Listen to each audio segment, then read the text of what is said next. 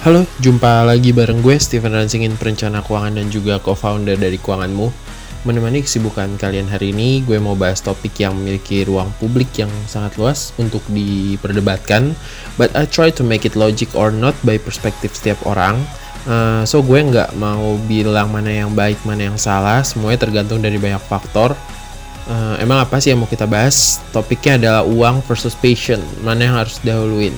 So listen up uang sama passion itu menjadi masalah yang menurut gue serius loh untuk dijadiin concern buat kita. Why? Gini, karena hal ini menyangkut sama yang namanya menjadi manusia. Asik, sobrat ya pembahasan gue. Nggak kok tenang, gue bawa ini seringan dan serilet mungkin dengan kita. Maksudnya apa sih menjadi manusia? Menurut gue kita akan sama aja kayak robot alias nggak punya semangat hidup apabila kita nggak bekerja sesuai kesukaan kita, ya kan? Kita berasa di program uh, mesti bangun jam berapa, and then pergi sekolah, kampus, kerja jam berapa, terus kita nggak menikmati or bahagia dengan apa yang sedang kita lakukan. Parahnya lagi ketika kita menikah itu untuk yang seharusnya dilakukan setelah lulus uh, dari kuliah atau setelah kita mendapatkan pekerjaan, bukan menikah karena kita siap, karena kita menikmati membangun hubungan dengan lawan jenis dari mulai tatap sampai ke satu atap yang sah sebagai pasangan, ya kan? Tentu perasaan kayak gitu cuma dimiliki oleh manusia. So, balik lagi soal uang versus passion, maksud gue adalah jangan sampai kita hidup hanya fokus mendapatkan uang tanpa menikmati kehidupan tersebut.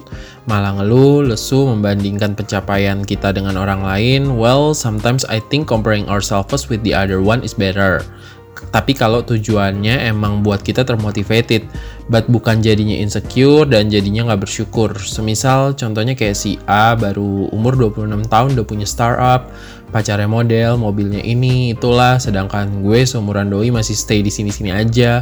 Well gue cuma mau bilang kita itu nggak sama uh, startnya walaupun kita sama secara usia.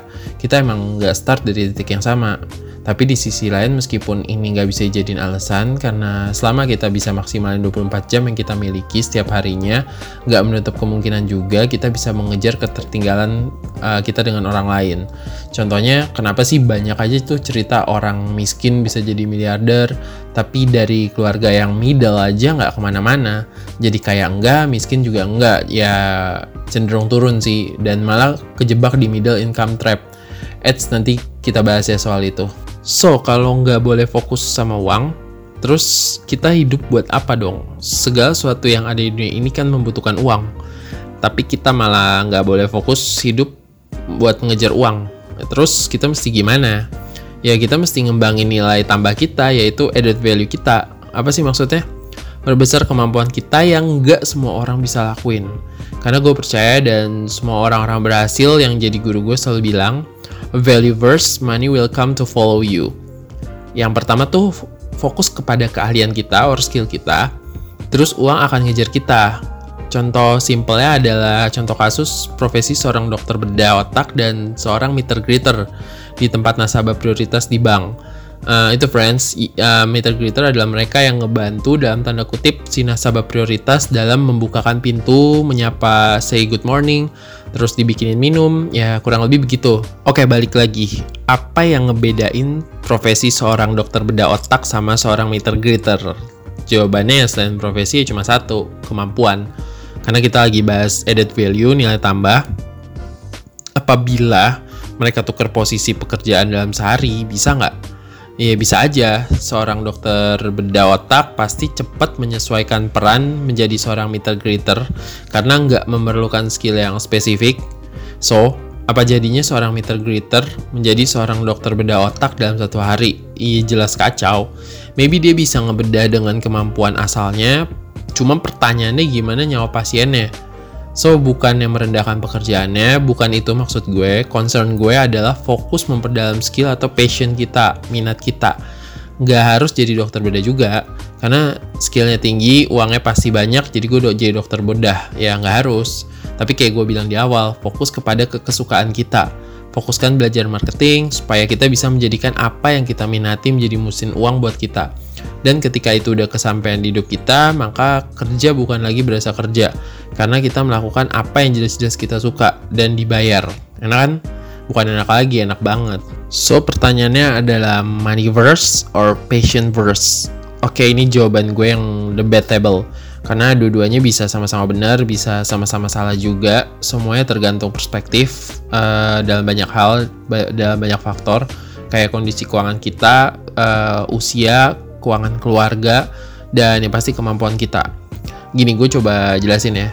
Misalnya background ekonomi keluarga kita tuh middle to up uh, sah-sah aja kalau kita nggak mau kuliah atau kita kuliah maunya sesuai passion kita nggak mau kerja yang sesuai passion kita juga atau minat kita misalnya kita mau jadi gamer e-sport profesional boleh nggak? Ya boleh dan sah-sah aja. Cuma sejauh profesi kita sebagai atlet e-sport itu belum menghasilkan uang untuk memenuhi kebutuhan hidup kita dari mana kita melangsungkan keberlangsungan hidup kita? Uangnya dari mana? Selain dari support keluarga kita. Sampai e uh, profesi e-sport tersebut benar-benar mendatangkan penghasilan yang oke, okay. baru deh tuh orang tua kita bisa melepas support kita perlahan. Tentu hal ini akan beda kalau kita berasal dari keluarga middle to low, yang sorry to say, kesempatan kita dalam memilih cara menghasilkan uang gak sebanyak kita yang berasal dari latar belakang keluarga dengan ekonomi middle to up. Karena kita yang dari middle to low bisa punya pekerjaan aja udah puji Tuhan syukur alhamdulillah. Bisa makan hari ini aja udah seneng So, boro-boro kan mikirin kerja sesuai passion, bisa punya pemasukan aja udah happy banget. Tapi apa kita harus selama bekerja dengan hal yang jelas-jelas kita nggak sukain, yang nggak kita nikmatin, kayak yang tadi gue bilang di awal podcast? Tentu enggak kan. Kita bisa mulai dari mengelola pendapatan kita, kayak baru gajian, bisa nggak sih uangnya itu dialokasin ke hal-hal yang bermanfaat Terus mulai belajar hal baru, maksimalin 24 jam yang kita punya. Jangan cuma buat makan, tidur, nonton, main game yang nggak punya tujuan dan cara yang masuk akal buat jadi gamer profesional. Kalau misalnya kita mau jadi gamer profesional, jadi main game bukan cuma buat killing time, ngabisin waktu senggang. Yang pada dasarnya semuanya sih boleh-boleh aja menurut gue asal nggak tiap hari dan ada batasan waktunya dari setiap tindakan yang kita lakuin. Why gue bilang gitu? Karena kita kan nggak mau berkutat di kesulitan keuangan terus dan bekerja uh, yang bukan sesuai passion kita. Yang kayak tadi gue bilang di awal podcast kita kan nggak mau jadi robot yang kayak udah terprogram gitu loh. Ya kalau mau kayak gitu juga sih sebenarnya sah-sah aja. Palingan hidup kita akan selalu membanding-bandingkan ngeluh nggak bersyukur dan lain-lain. So yang bijak ya friends. Mungkin itu aja yang mau gue share opini gue di podcast keuangan episode kali ini. Semoga bermanfaat dan seperti biasa ditunggu pertanyaan-pertanyaan yang perlu kita bantu selesaikan. Feel free alias bebas nanya. Jangan lupa follow Instagram keuanganmu di @keuanganmuofficial.